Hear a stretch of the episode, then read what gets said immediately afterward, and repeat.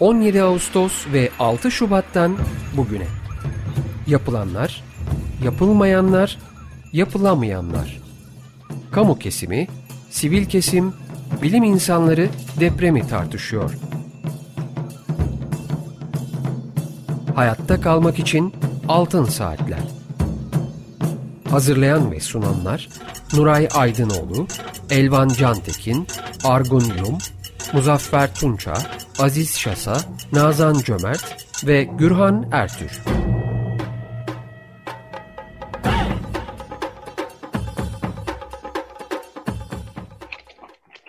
Açık Radyo'da Altın Saatler programındayız. Bugünkü programı Mehmet Nuray Aydınoğlu, Argun Yum, Elvan Cantekin, Nazan Cömert ve ben Gürhan Ertür birlikte sunuyoruz. Teknik Masada ise Berke Akmeşe sesimizi sizlere ulaştırıyor.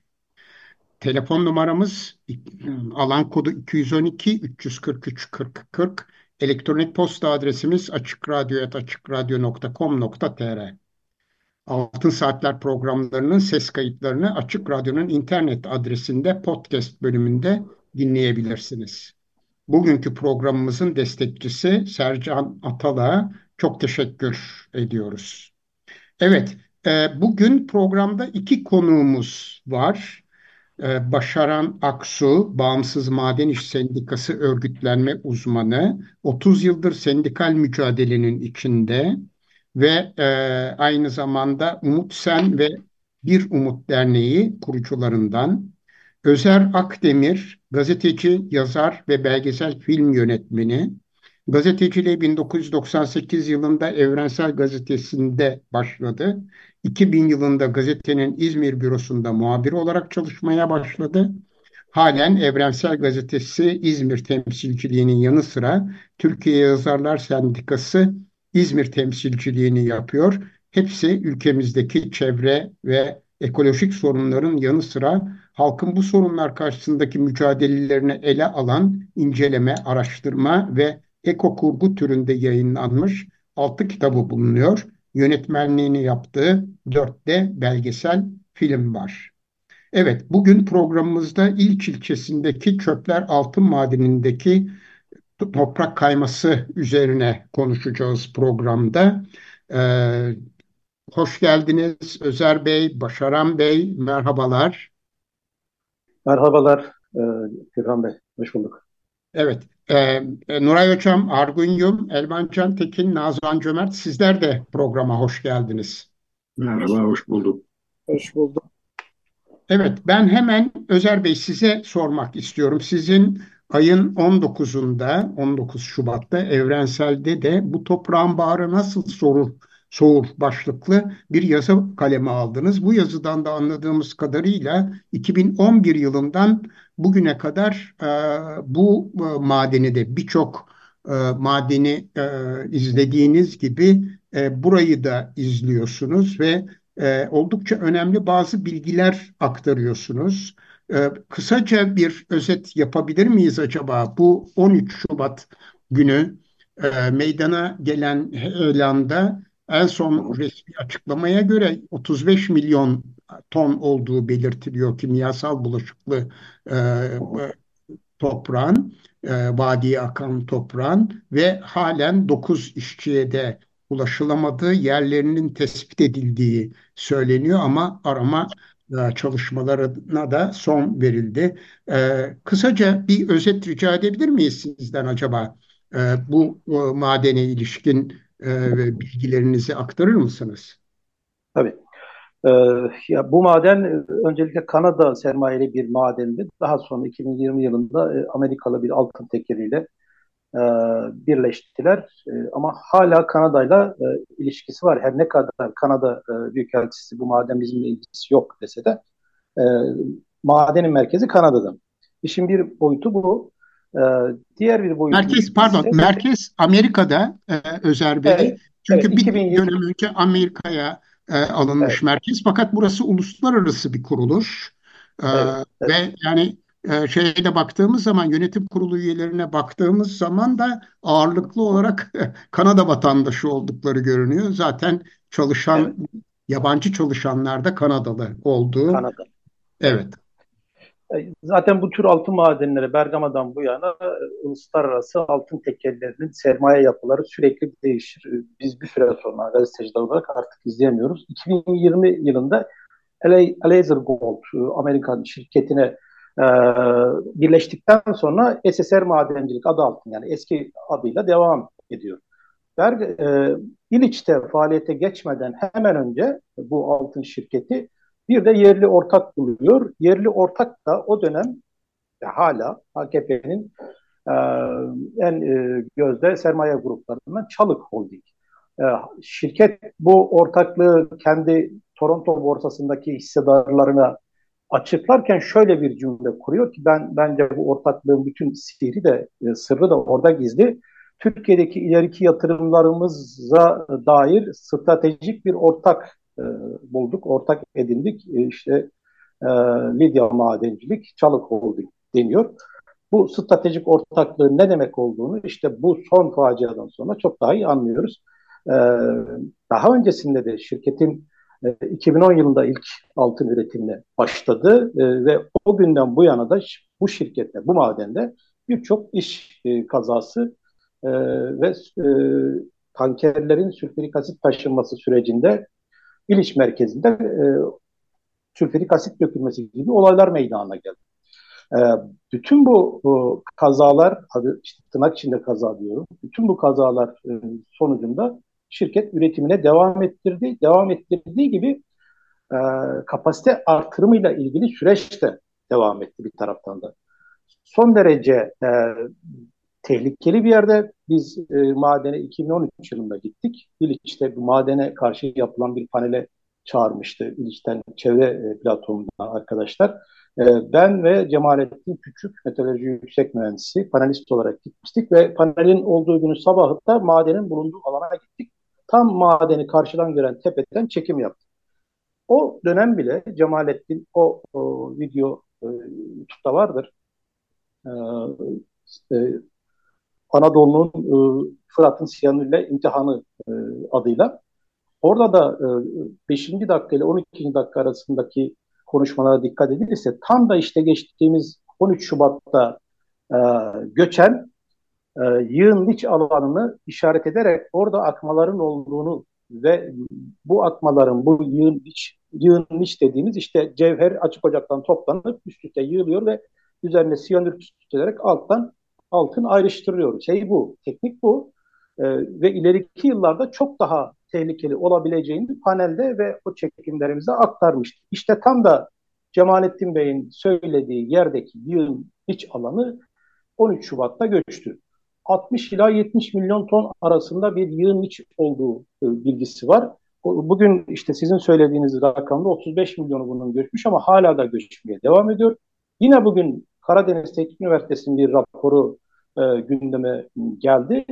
Dünyada bütün altın madenlerinde, dünyada ne kadar altın madeni varsa en yüksek Yığındiç tepesi 150 metre iken burada 257 metreye ulaştığını ve bu e, bu büyüklüğün, bu e, yüksekliğin kendilerini korkuttuğunu söylemişti. E, e, söylüyor raporda da öyle bir ifade var. Zaten hani e, bu yığın diçinin, bu e, tepenin de orada stabil bir şekilde durmayacağı biz 2013'te gittiğimizde kendi gözlemlerimizle görmüştük. Çünkü eğimli bir tepe ve aşağıdan da Fırat'ın en yüksek kollarından Karasu Nehri'nin geçtiği bir yer. Böyle eğimli bir tepede hem yığın içi ki en altın üretiminde en vahşi yöntem olarak adlandırılır. Hem yığın içi e, alanı var hem arkasında bu iç alanın hem arka, arkasında şu an yüzlerce metre derinliğe inmiş e, açık ocak var. Hem de hemen bunların ilerisinde siyanürlü atık havuzu var. Ve aynı kareden hem siyanürlü atık havuzunu hem arkada Fırat'ı görebiliyorsunuz. Ve burası birinci derece deprem kuşağında. Erzincan'daki depremlerin ne kadar şiddetli olduğunu ve ne kadar büyük e, yıkıma yol açtığı zaten hepimiz biliyoruz. E, ve tam da fay hattının geçtiği bir yere böylesi bir altın madeni bu şekilde dünyadaki bütün yığın iç tepelerinden bile belki 100 metre daha yüksek bir şekilde ve e, çok daha büyük bir e, ve eğimli bir arazide e, bu e, atık barajının kurulduğu bir e, yerde, bir madende bu tür kazanın olmaması gibi bir olasılık yoktur. Bunu e, bilim, e, bunu uzmanlar yıllardır, yıllardır söylüyordu. Biz de gazeteci olarak yıllardır e, yazıyorduk. Ancak ne yazık ki işte ülkemizin dört bir yanında. Bunlar, bu, bu, yani İliç bu aslında ilk değil, son da olmayacak. Çünkü ülkemizde 20 tane altın işletmesi var. Bunun gibi siyanürle e, altın üretimi yapılan yer var. Sadece hani altın işletmesi olarak diyorum. Başka e, detaylık madencilik şeylerine girmeden yani. Civadı, kurşundur, işte bakırdır onlara girmeden ve bunlar da aynı İliç'teki gibi alınmayan iş sağlığı, iş güvenliği önlemleriyle ve son derece vahşi yöntemlerle e, kimi Karadeniz'de Patsa'da olduğu gibi fındık bahçelerinin ortasında, kimi e, Anadolu Bozkır'ın tam ortasında e, Himbetli'de altın madeninde olduğu gibi e, Kayseri Nevşehir il sınırında, kimi e, İzmir'in e, Efem Çukuru'nda, İzmir İçme Suyu Havzası'nda ya da Bakırçay Ovası'nın tam ortasında Bergama Altın Madeni ya da Kaz Dağları'nda olduğu gibi her an felaketini bekliyor aslında. Çünkü e, yasalar, yönetmelikler, çevre yasaları, çevre çet süreçleri hiçbir şekilde bu madenleri işlemiyor. Hiçbir şekilde o çet raporlarında yazdıkları önlemleri, iş, iş sağlığı, işçi, e, işçi sağlığı, iş güvenliği önlemlerini ve diğer çevresel önlemleri almıyorlar. Denetleyen yok. E, çünkü bu şirketler siyasi iktidarla iç içe e, geçmiş durumdalar. E, ve yapılarına baktığımızda, ilişkilerine baktığımızda işte en son Anagop olduğu gibi e, kesinlikle AKP'ye yakın hatta İliç'te AKP'ye hısımlık derecesinde yakın bir şirket biliyorsunuz. E, Çalık Holding'in CEO'su e, Erdoğan'ın damadı Berat evet. Albayrak o dönem. E, ve böyle bir girift ilişkiler yumağı içerisinde arkasına siyasi gücü de alarak e, vahşi yöntemlerle ülkemizde e, ülkemizi e, sömürmeye devam ediyorlar. Evet, bu bahsettiğiniz e, yazınızda iki önemli bilgi daha var. Birincisi e, işin başında köylülere 130'ar bin lira para ödenmiş ve bunun karşılığında da madene karşı herhangi bir dava açmayacağım e, imzasını attırarak köylülere bir e, protokol hazırlamışlar. Ve bunun hukuki bir değeri var mıdır? Yani bu neden yapılıyor böyle bir şey? Ee, bunun hukuki bir değeri olduğunu sanmıyorum. Hukukçu değilim ama bu, bu bir kağıt parçasıdır. Benim gözümde. Evet. Böyle bir şey olabilir mi? Yani orada bir işletme var. Bu işletme çevreye zarar veriyor ya da şimdi olduğu gibi e, çok açık bir şekilde ihmaller zinciri sonucu 9 işçiye mezar olmuş. E, ve bunun karşılığında o imzalatılan kağıt parçasıyla e, oradaki insanlar hakkını arayamayacak. Bu ne hukukidir, ne ahlakidir, ne vicdanidir. Hiçbir şekilde hiçbir değeri olduğunu sanmıyorum. Bunun amacı şuydu, e, köylülere e, bir kere sus payı olarak o 130 bin lira verilmişti. Onun karşılığında da orada olabilecek olaylardan hani biz e, madeni mesul tutmayacağız diye bir rıza belgesi almak istediler. Hukuki geçerli evet. olup olmamasının öte köylülerin rızasını almaktı.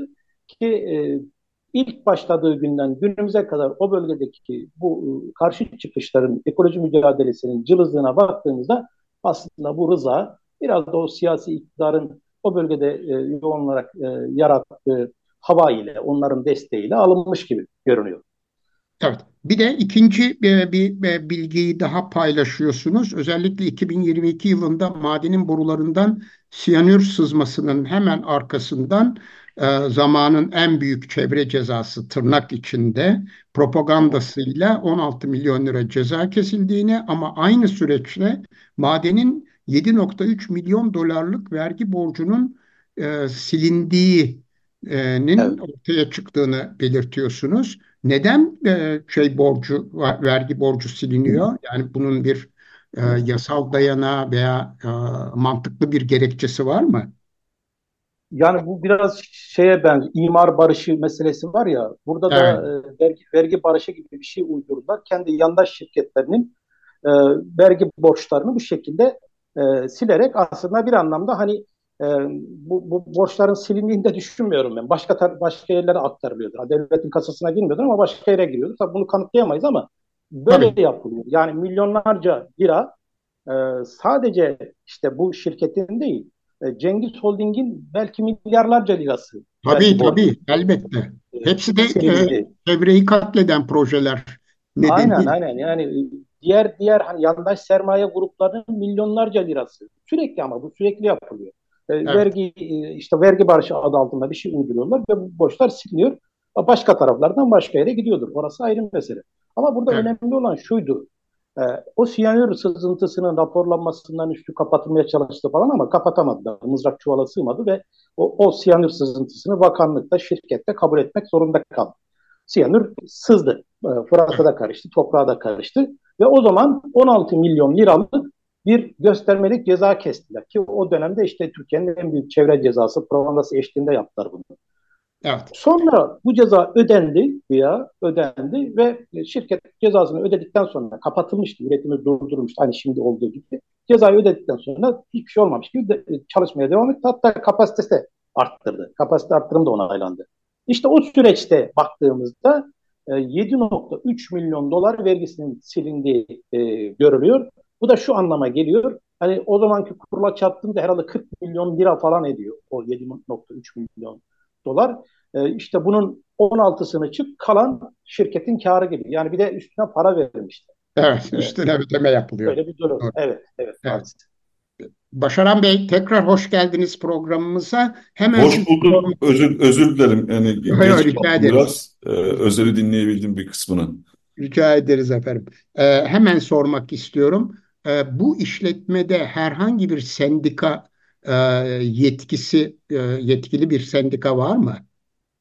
E, Türk İş'in Türkiye Maden İş e, Sendikası yetkili iki ay önce de bir e, toplu iş sözleşmesi daha yaptı. Üç yıllık e, oldukça düşük ücretlerle yaptı. E, e, bu faciadan e, iki gün önce işçiler e, bir ay öncesinde istifa etmişlerdi sendikadan topluca. E, bizim sendikamız Bağımsız Maden İş'e e, çoğunlukla üye olmuşlardı. Şimdi bu ölümler e, yaşandığı için de üyelik işlemini durdurduk. Yani şu an e, yer altındaki arkadaşlarımızın e, za ulaşma e, e, sürecinde böyle bir sendikal faaliyet e, işin en azından üyelik kısmı açısından e, yapmayalım dedik. Ama şu an Anagold işçilerin, ana işverendeki işçilerin e, önemli e, yani büyük çoğunluğu bizde e, bizim sendikamıza üye oldular ama 3 yıl biliyorsunuz bu Türkiye'de bir tuhaf bir sendikal düzen var. Evet. Şimdi e, Sarı Sendika e, toplu sözleşmeyi yapmış olduğu için 3 e, yıl boyunca e, bütün işçiler oradan istifa etse de o toplu sözleşme düzeni ne yazık ki devam ediyor. Yani e, bu dolayısıyla işçiler dayanışma aidatı ödeyerek işletmeye dilekçeler vererek e, bu toplu sözleşmenin verdiği haklardan yararlanabiliyorlar ama farklı bir sendikaya üye olabiliyor. Şu an e, işçi arkadaşlar bize üyeler. E, biz e, e bu o, olay yaşanmasaydı Şimdi bu vakitlerde Ankara'da Anagold önünde eylem halinde olacaktık. İşçilerin özlük haklarının e, ve taleplerinin karşılanması, ek protokol yapılmasıyla ilgili. E, olay yaşanınca da bütün bu işler askıya alındı. Şu an gündemimiz e, buradaki arkadaşların çıkartılması ve sorumluların e, mutlaka cezalandırılmasını sağlayacak bir e, mücadele düzeyinin ve bir basıncın, kamuoyunun oluşturulması doğrultusunda bir çaba içerisindeyiz. Evet, Elvan'ın bir sorusu var hemen. Evet, bir, bir, buna bağlı bir sorum olacak benim. Şimdi e, yani bir, Özer Bey biraz önce anlattı esasında buradaki işte gerek e, başlangıç aşamasında, gerek değerlendirme aşamasında, gerekse de daha sonra işletme aşamasında e, bir takım denetimlerin yapması gereken kurumlar tarafından yapılmadığı çok aşikar. Şimdi e, eğer burada gerçekten doğru çalışan bir işçi sendikası var olsaydı e, ve e, bu sendikanın yetkisi olsaydı en azından işçi e, sendikası yönünden neler yapılabilirdi bu şeyin e, facianın engellenebilmesi için e, ve bundan sonra siz bu yetkiyi aldıktan sonra bu konuda neler yapmayı planlıyorsunuz? Şimdi birincisi bu e, sendikanın sicili bozuk bir sendika. Bu bu özelliğiyle tanıyor. Şimdi biraz sendikayı dinleyiciler tanısınlar diye anlatacağım. E, Türkiye Maden İş e, Sendikası e, özellikle 2000 yıllar sonrasında bu büyük maden şirketlerinde işveren e, çağrısıyla e, örgütlenen tırnak içerisinde bir sendika. E, bu sendikanın genel başkanı Nurettin Akçul e, kendisiyle de yakın zamanda davalık olduk, şikayetçi oldu benden. Ben e, beraat ettim yani bir tür mahkemede benim beyanlarımın doğru olduğunu en üst düzeyde teyit etmiş olmuş oldu. Şimdi bu e, şahıs e, Cinero Holding'in Çayır, Çayırhan işletmesinde muhasebe müdürü olan bir e, işveren vekili. Ve burada e, oradaki e, mücadeleci işçileri işten attırarak bu şahsı Ciner Holding e, önce Çayıran'da şube başkanı 6 ay sonra sendikanın olan üstü genel kurulunda da e, biraz e, mafyoz yöntemler kullanılarak genel başkan yaptılar bu sendikaya. E, biliyorsunuz Soma katliamındaki 301 kardeşimiz de yine bu sendikaya üyeydiler. Oradaki üretim ve hadi hadi, hadi e, zorlamayı yaptıran da buna yol veren de e, bu sendika idi. E, şimdi bu şahsın e, Çayıran'da muhasebe müdürü olduğu dönemde e, şu an genel başkanlık e, yaptığı sendika ile yapılan toplu iş sözleşmesinde e, işveren vekili olarak imzası var. Belgeli bu. Özgür Özel de mecliste paylaşmıştı Soma katliamı döneminde.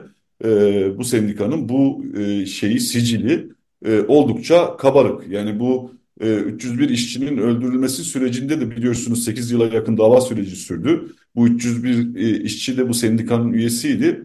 Tek bir kez o 301 işçinin eşi ve çocuklarının yürüttüğü o mücadeleye destekleyen nitelikte ya da sembolik düzeyde mahkemeye ziyaret etme, mahkemede onların yanında durmak gibi bir fiil bile işlemekten uzak durdular. Hatta e, o 3-4 yıl sonra e, Soma Holding'le bir protokol imzalayarak e, kendi üyesi olan 3500 işçinin e, tazminat haklarının şirketçe gasp edilmesinin de önünü açtılar. Biliyorsunuz sonrasında biz mücadeleyle meclisten yasa çıkartarak o işçilerin e, hak edilmiş tazminatlarının ödetilmesini sağlayabilmiştik ancak.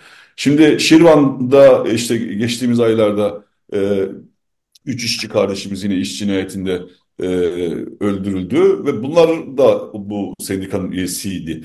Yine e, Soma'daki Demir Export Maden Ocağı'nda e, yani geçtiğimiz e, Aralık ayından e, işte bu şeye nedir? Bir önceki Aralık ayından e, Mayıs'a kadar dört arkadaşımız, genç madenci kardeşimiz farklı zamanlarda yine iş cinayetinde öldürüldü. Yine bu sendikanın e, üyesi arkadaşlar ve tekil e, bu sendikanın fıtratında, e, çizgisinde e, işveren e, dışında bir davranış, bir normal bir olağan, e, bir e, sarı sendikalar diye tabir ediyoruz ama sarı sendikalar bile çıktığı işte ülkelerde ABD'deki gangster sendikalar bile e, işçilerin haklarını savunurlar.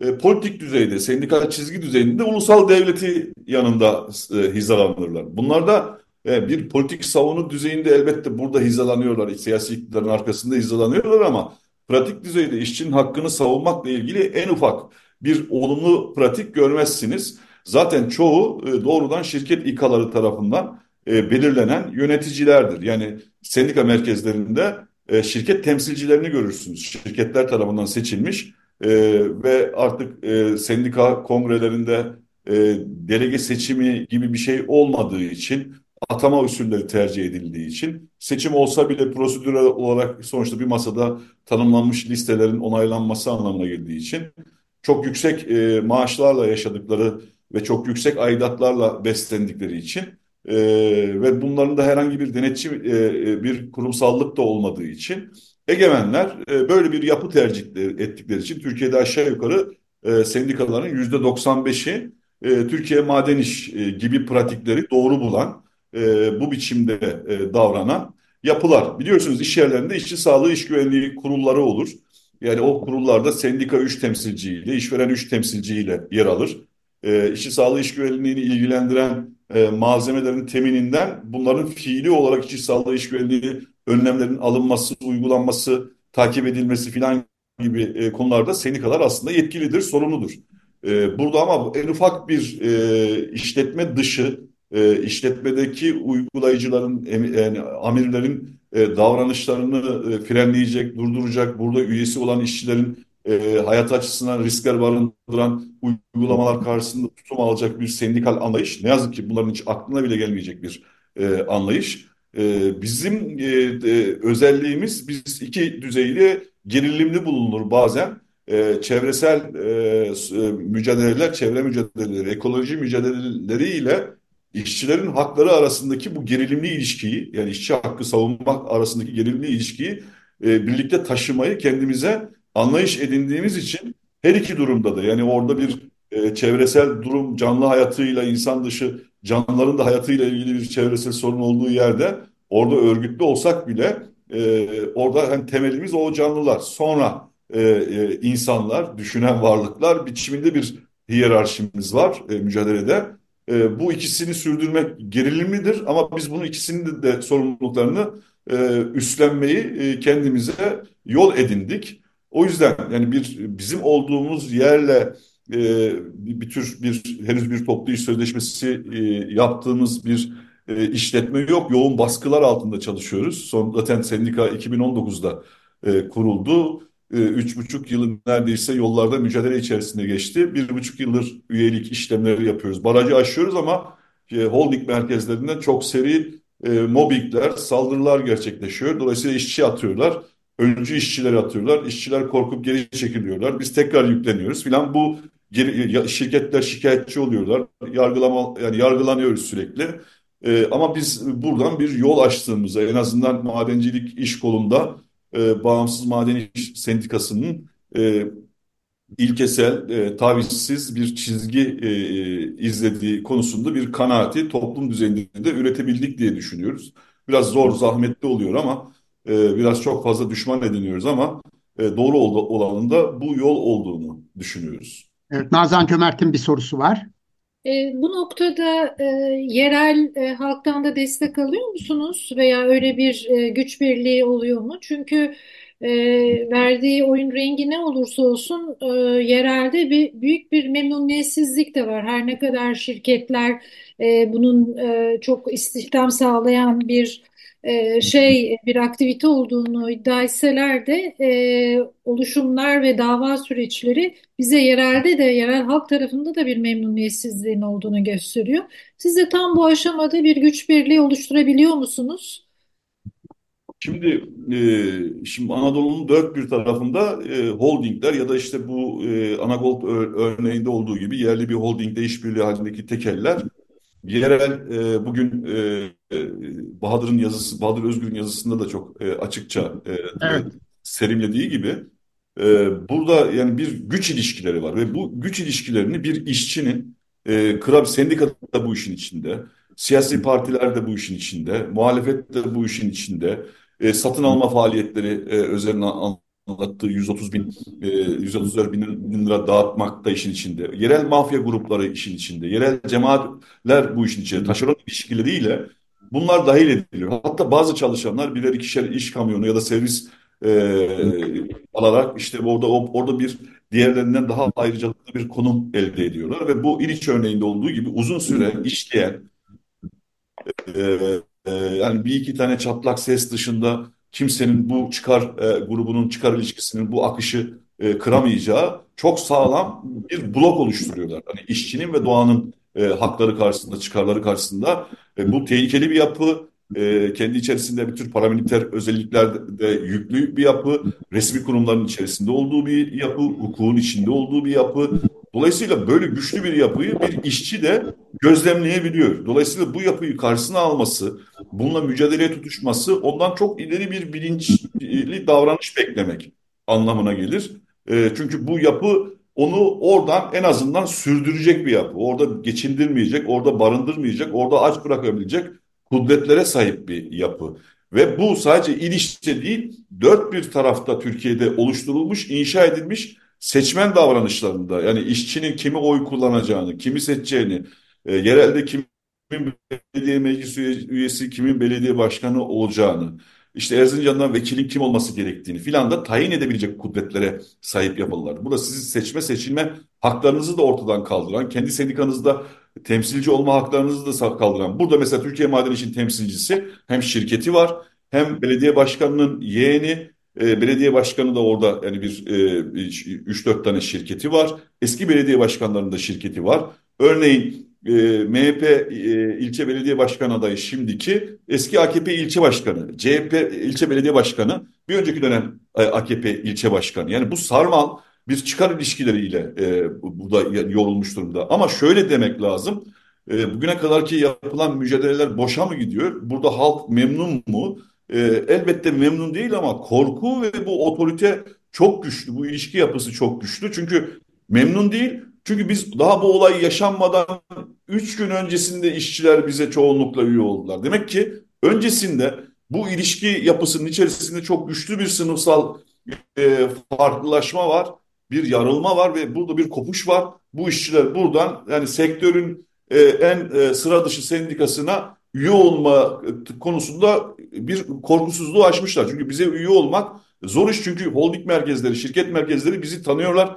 Bunlar hani bunlardan uzak bizden uzak durmalar için işçilere her tür hakkı hukuku da her tür ödünü de vermeyi göze alırlar.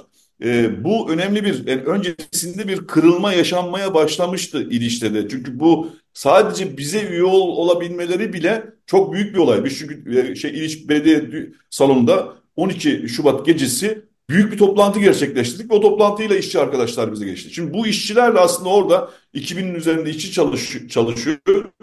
E, bu işçiler de orada aslında çoğunluğu oluşturuyorlar. Yani orada toplumsal güç olarak da çoğunluğu oluştu. Ama bir cesaretlenmeleri, korkusuzlaşmaları, kendi iç dayanışmalarının e, güçlenmeleri gerekiyor. Bu gücü gördükleri anda bir kırılma başlıyor. Bunu biz Soma'da da yaşadık, Ermenek'te de yaşadık. Bu yapılar çok güçlü ama güvenebilecekleri e, özneler çıkınca onlarla beraber bir mücadeleyi e, yürütmekte giderek daha cesaretli hale geliyor. Daha geniş yığınlar. Evet. Kısa bir ara vereceğiz. E, müzik parçamızı dinleyeceğiz. Bugün Dünya Ana Dili Günü. Şimdi Ubuhça, Kuzeybatı Kafkas dillerinden bir tanesi, alfabesi yok. 1992'de bu dili konuşan son kişi Tevfik Esenç'in yaşamını yitirmesiyle birlikte ölü dil haline geliyor. Gülcan Altan'ın sesinden Setenay. Açık Radyo'dayız. Altın Saatler programının ikinci bölümündeyiz. Bugün konuklarımız Başaran Aksu ve Özer Akdemir. Ee, bir e, Ubuhça parça dinledik. Gülcan Altan'ın sesinden Setenay isimli parçayı e, Dünya e, Ana Dili Günü e, için. Şimdi e, en son dün itibariyle gözaltına alınan şu anda tutuklu bulunan 6 kişi başlangıçta 9 kişi gözaltına alınıyor fakat 3 kişi e, bırakılıyor serbest bırakılıyor geriye kalan 6 kişinin ifadeleri e, basınla paylaşıldı. E, bazı bilgileri okuyunca insanın kanı donuyor gerçekten. Akıl alır gibi değil.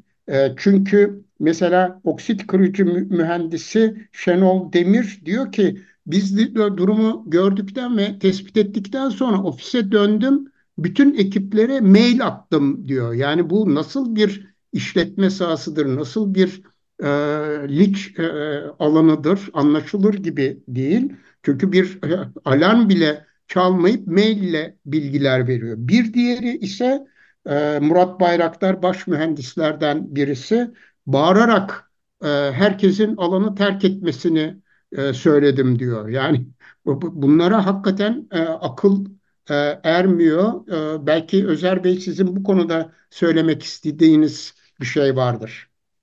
Özer Bey mikrofonunuzu açar mısınız? Ha, belki evet. evet. Geliyor değil mi sesim şu anda? Evet evet geliyor. E, bu ifadeler bile yani o, o oradaki iş sağlığı iş, işçi sağlığı iş güvenliği önlemlerinin ne kadar e, gayri ciddi yapıldığını gösteriyor ki bu tür madencilik e, ki uluslararası bir şirket aslında e, dünyanın birçok yerinde Kanadalı işletmeler e, ve Amerikalı işletmeler e, çevre ve e, işçi sağlığı konusunda iddialı söylemleri olan e, işletmelerdir, firmalardır. Oysa işte ne kadar içinin boş olduğu bu ifadelerde bile ortaya çıkar çıkıyor. Bundan önce mesela e, e, yine Kanadalı bir maden firması, altın madeni, Centerra Gold'un Kayseri Öksürük'teki e, madeni başaran e, bilir o madeni. Orada da benzer e, birçok e, olaylar yaşandı. İşçilerin kanlarında e, kurşun çıktı, civa çıktı. Bile bile zehirlendiklerine dair işçilerin e, bilirkişi raporları ortaya çıktı. Orada da aynı sizin biraz önce okuduğunuz gibi işçilerin e, o civa bulunan ortam civa tespit edildikten sonra e, işçilerin buraya çalışanların buraya e, girmemesiyle ilgili e, şirketin CEO'suna mail atılmış. Ve bu bilgi maille yayılmış. Oysa evet. e, yani o işçilerin zehirleneceği belli o civadan. E, o biliniyor artık. Buna rağmen bu bilgi gizlenerek 8 gün daha o civalı ortamı orada çalışanlar özellikle o güvenlik alt döküm odasının yanındaki güvenlik odasına sokulmuş o işçiler. Ve bu işçilerin e, kanlarında civa çıktığını, civa çıktıktan tespit edildikten sonra bazı işçilerde rahatsızlıklar başlayıp bu tespit edildikten sonra e, proses müdürünün e, haberi oluyor. Aradan yani 8-9 gün sonra haberi oluyor ve proses müdürü de e, ben bu, bu şeyi kesinlikle kabul edemem de, deyip olayı e, üretimi durdurduktan sonra ancak işçiler Ankara'ya meslek hastalıkları hastanesine gönderiliyorlar ve rapor alınıyor. Daha sonra öğreniliyor ki 70'in üzerinde işçi o civadan zehirlenmiş. E, madenin farklı bölgelerindeki e, farklı işçilerden bahsediyoruz. E, İliç'teki durum da aynı. Gayri ciddi bir şekilde e, ve e, dediğimiz gibi denetimsizlik, hukuksuzluk, arkasından denetimsizlik ve bir süre sonra da kuralsızlık e, ortaya çıkıyor.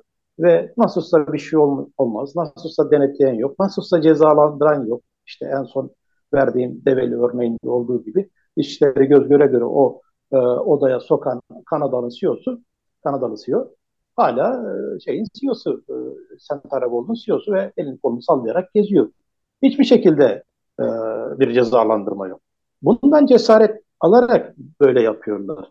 Bundan cesaret alarak e, dalga geçer gibi e, o, e, çok geniş alandaki maden işletmesinde bağırarak işte haber verdim ya da mail attım gibi dediğiniz gibi telefon mu yok, tesis mi yok hepsi var bunların elinde ama e, bunlar tabii bir bahane uyduracaklar. Oradaki o e, liç alanının göçmemesi zaten olanaksızdı ve göçtü. Bunu, evet. bunu kabul edecekler artık ve e, bundan sonra ne yapılabilir, ne edilebilir oraya bakmaları lazım. Çok yapacakları bir şey de görünmüyor. Yani bakanın söylediğine bakınsana 400 bin kamyon lazım. 400 bir kam kamyon hesabını yapmadan önce düşünecektiniz oraya dünyanın en yüksek yığının içini yaptırırken, izin verirken düşünecektiniz onu. Ama onu o zaman düşünmeyip olay olduktan sonra e, işte mağduriyet yapmak ya da sorumluluk e, sorumluluğu almamaya çalışmak e, yani bu yıllardır yaptığı şey. Evet. Tutuklu olanlardan birisi de Kanada vatandaşı. E, o da ifadesinde diyor ki ben e, maden sahasında yapılan işlemlerin gözlemlenmesi ve raporlanmasından sorumluyum diyor. E, durumu anlayınca diyor saat 11'de e, Amerika'daki merkeze durumu bildirdim diyor. Saat farkından dolayı gece 2 olması nedeniyle tarafıma herhangi bir dönüş yapılmadı. Yani bu kadar büyük aymazlık e, olması anlaşılır gibi değil hakikaten. Evet ben Başaran Bey'e hemen e, dönerek sormak istiyorum. Şimdi e, bu e, bugün itibariyle anlaşıldığı kadarıyla e, bir e, elleçleme konusunda ve bu o, yığının, bu dağın ortadan kaldırılması konusunda tespit edilmiş olan bir yöntem e, söz konusu değil. E, doğru mu? Siz daha yakın bir temasta olduğunuzu düşünerek soruyorum ve eğer e, bu tespit edilmediyse sizin herhangi bir şeyiniz var mı? E, e, tavsiyeniz var mı? Şimdi biz ilk gün itibariyle yani yaptığımız açıklamalarla spekülasyona yani düşmemeye çok büyük gayret gösterdik. Ee, şimdi burada bir zaten e, aslında iki gün önceki toplantıda da arkadaşlar bizim 3 saat sürdü toplantı bir saati iş sağlığı iş güvenliği gündemiydi ve sahanın e, güvensizlikleriyle ilgiliydi. E, şimdi bu orada da dile getirilmişti arkadaşlar. Olay hani ardından da burada zaten bir ay öncesinden bir hafta öncesinde yoğunlaşan bir e, çatlaklaş çatlaklar, e, hareketler e, ve bunların da e, şeye ulaştığı, ulaştırıldığı, yöneticilere, sorumlulara ulaştırıldığı bilgisi vardı. Biz de bunu bu olduğu haliyle yani paylaştık. E, dolayısıyla sonra bu e, tanık ifadelerinde bunlar e, yine e, siyanür solüsyonunun enjekte edilmeye e, devam edildiği sürekli bu yığına, liçe e, devam edildi. Yine işçi arkadaşlar sonuçta o işlemin içinde oldukları için ifade bunu, bunu da paylaştık. Önce reddettiler. Hatta Devlet Bahçeli e, e, danışmanları muhtemelen yanıltmış böyle çok ya burada bir siyanür e, şeyi yok falan gibi bir açıklama yapmıştı evvelsi gün. E, burada çok açık bir bilgi artık. Bu böyle gizlenecek bir bilgi değil. İkincisi e, Türkiye'de ne yazık ki bu e, bu tarz işte altın, gümüş, nikel e, araştırma yapılan e, madenlerde e, ki kurtarma hani gelişebilecek olaylar, senaryolar ve bunlar karşısında arama kurtarma nasıl yapılır filan diye bir soru sorsanız devletin herhangi bir kademesinde bu soruya verilecek bir yanıt olduğu kanaatinde değiliz. Biz ilk günde bunu söyledik yani. Burada çünkü evet. e, deprem 99 depremi yaşandı. Oradaki bir e, durumdan işte ders çıkartıldık denildi. Sonra işte AFAD oluşturuldu. Kızılay şu hale getirildi. O devlet bir hazırlıklar yaptı. Sonra 6 Şubat'ta gördük ki bu çap kapasite bile yani buradaki bu eğitimli çap cihazlar, e, ekipmanlar e, bu e, insanlarımızın hayatını kurtarmaya da yetmedi. E, dolayısıyla zaten depremde depreme göre organ, yıllar boyunca organize ol, olmuş bir yapı olan AFAD e, deprem karşısında çaresiz, çaresiz kaldı. Şimdi burada hiç bilmediği bir konu.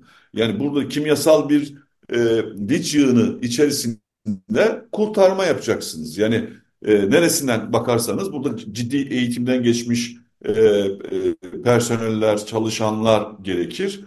E, ve aynı zamanda bu doğrultuda bir e, ekipman gerekir. Peki bu yığını kaldırıp nereye koyacaksınız? Yani o yerin saptanması. Peki o bu yığın e, alınıp konulduğu yerde bir potansiyel risk barındırıyor mu, barındırmıyor mu sorularına açıklıkla yanıt vereceksiniz. Şimdi bütün bunların cevabı yok. Böyle bir kapasite de yok. O olmadığını yaklaşık şu an herhalde bir 72 saate yaklaştık. Ee, bir şey e, arama kurtarma faaliyeti yapılmıyordu. Bakanlar bu sabah ara verdiklerini e, duyurdular. Yani aslında 72 evet. saattir, 72 e, saattir herhangi bir arama kurtarma faaliyeti yapılamıyordu. Bir de şimdi neden yapılamıyor? Bir mevcut malzeme sıkıntılı. İki yeterli insan yani eğitimli, tedrisli insan gücü yok.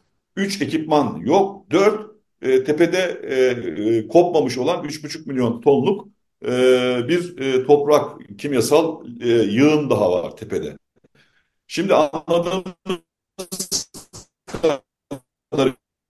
bugün e, işçi arkadaşlar çıktık oradan. Yani diğer e, bizim sendika heyeti indi, nöbet değişti. Evet, yani, e, ekranınızı e, kapatacağım çünkü Çiftay e, şirketine donuyorsunuz. Efendim? E, ekranınızı kapattım. E, tamam. E, evet, yani Çiftay evet. şirketine e, o tepede en tepeden yani o çökmemiş e, heyelan halindeki yığının e, tepeden alınarak daha önce terk edilmiş yani cevher çıkartılmış artık bir çöküntü alanı olarak kalmış iki maden işletmesine bu toprağın taşınacağı yani bu yığının kimyasal yığının taşınacağı bilgisi var. Yani e, şu an e, herhalde e, devletin de perspektifi bu mevcut e, şeyi yığını e, buradan kaldırıp e, tabii bu da aylar alacak bir e, şey e, çaba çalışma hani gerektirecek. E, o çöküntü alanlarına yani e, Özer de çok yakından bilir. Derin çukurlardır bunlar. Çok büyük çukurlar. E, ölüm çukurları. Orada artık bitmiştir ve bu yığını o çukurlarla, çukurları bu yığınla dolduracaklar. Şu anki perspektif yani önlerine koydukları ve başlamış olan işlem bu. E, ve kısa sürede de e, şimdi devletin, devlet otoritesinin açık olması gerekir. Bu bilgileri şeffafça en azından 9 işçinin ailesi karşısında sorumlu davranıp yurttaşı ya de, demesi lazım ki biz bunları çıkartamayacağız. Ya da işte biz bunları en fazla işte bu işlemler sürecek, aylar alacak, 7 ay alacak 8 e, ay alacak. Biz bu zaman dilimi içerisinde işte rastladığımız zaman e, bu e, evlatlarınızı çıkartabileceğiz demesi lazım. Sorumlu davranmalar lazım. Bir evet. de e, siyasi iktidar konunun çok farkında ilk günden beridir. İki bakan hiç ayrılmadı oradan. İçişleri Bakanı ve Enerji Bakanı. Dün ÖSA, geldi. Bugün e, Çalışma Bakanı Vedat Işıkhan e, orada. Yani dolayısıyla burada işlenmiş suçun büyüklüğünün farkındalar yani kendileri. Yani muhalefetin böyle bir ilgisi yok ama yani muhalefet temsilcilerinin e, iktidar yaptığı işin yani şeyini biliyor. Büyüklüğünün, kudretinin farkında. O yüzden onlar depremde bile o kadar bakan o bölgede kalmadı. 50 bin insanın e, hayatını kaybettiği yerde bile e, bu kadar bir süre, bu kadar çok bakanla bir alanda e, kendini temsil eden bir siyasi iktidar pratiğiyle biz o zaman bile karşılaşmadık. Evet. Nazan Cömert'in söyleyeceği bir şey var. Sonradan da Elvan Cantekin Aslında sizin söylediklerinizi biraz da destekler e, nitelikte. Çünkü bir taraftan yabancı yatırımcı için çok cazip bir alan gibi görünüyor bu sektör.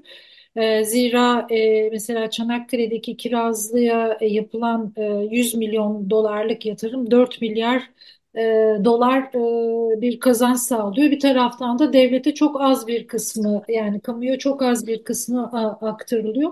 Burada tabii e, size e, sizin verdiğiniz iş sağlığı ve güvenliğinin yanı sıra iş sürekliliğiyle e, afette e, özellikle risk afet risk yönetiminde özel sektör sorumluluğu e, konusu çok önemli. E, yani sadece resmi otoriteler değil bu kadar çok kazanç getiren ve çok riskli bir e, faaliyet alanı e, olan bu sektörün hani bu konudaki e, çok büyük bir açığında e, göz önüne seriyor maalesef bu e, afet.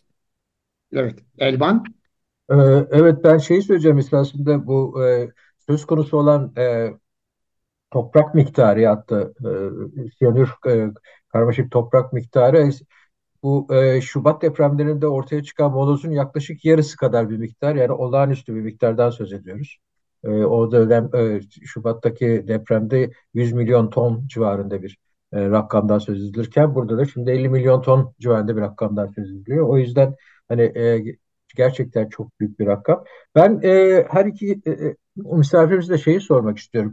E, bu e, olayın arkasından e, sağlıkla ilgili, halk sağlığını ilgilendiren konularla ilgili olarak bir takım e, şeyler, söylemler oldu. Ama e, biz e, ne yazık ki çok fazla bilgi alamıyoruz bu konuda. Sizlerin e, bize e, yansıtmak istediğiniz bir takım e, bilgiler var mı? E, bu konuda e, bir sessizlik söz konusu. E, nasıl e, bilgi sahibi olacağız? Evet, Başaran Bey.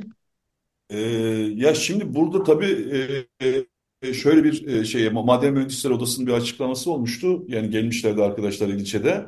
Fakat e, maden mühendisleri bu alandaki en yetkin e, kurum olmasına rağmen e, bu e, kurumun e, e, şey olmasını yani sahada inceleme yapmasını, bulguları hani tartışmasına müsaade etmediler. Yani onlar da raporunda bunu da açıklıkla yazdılar. Dolayısıyla burada e, kamu dışı yani kurumların e, bir alternatif denetim e, yapmaları, bir gözlem yapmaları, bulguları incelemeleri falan gerekir. Yani kamuoyunun da hani gönlünü ferahlatacak olan şey e, çünkü bu e, şeye yani kamu çok fazla bu şirketle iç içe geçmiş olduğu için bu yapı e, dolayısıyla buradaki verilerin de aslında e, bir hakikati yansıtmadığı gibi bir kanaat otomatik olarak e, haklı olarak da e, sıra geliyor. Şimdi bir dizi e, su, hava, toprak hani analizleri yaptığını bakan e, açıklamalarını dinliyoruz ve buralarda herhangi bir sıkıntının olmadığına dair bir e, açıklama duyuyoruz. Bunun dışında bunu teyit edecek yani bu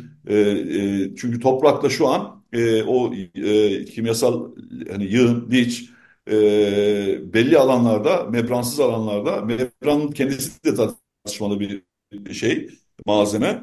E, membransız alanlarda temas halinde. Yani göçük o toprağın üstüne doğru aktığı için e, bunun yeraltı suları, işte bir hava e, ve civarına etki edebileceği söyleniyor. Zaten işçi arkadaşlar olağan hani zamanlarda e, buralarda işte e, kuş ölümleri, işte tilki, e, işte vaşak hani ölümleri sık rastladıklarında hani onlar daha bunu tabii daha şey insanlar yani bilim yani bu konunun bilimiyle uğraşan insanlar e, yani hayvanlarda daha e, bir tür bir buna karşı direnç daha zayıf olduğu için onları öldüren şey insan hani öldürmeyebilir yani gibi bir yaklaşım da var e, aktardıkları.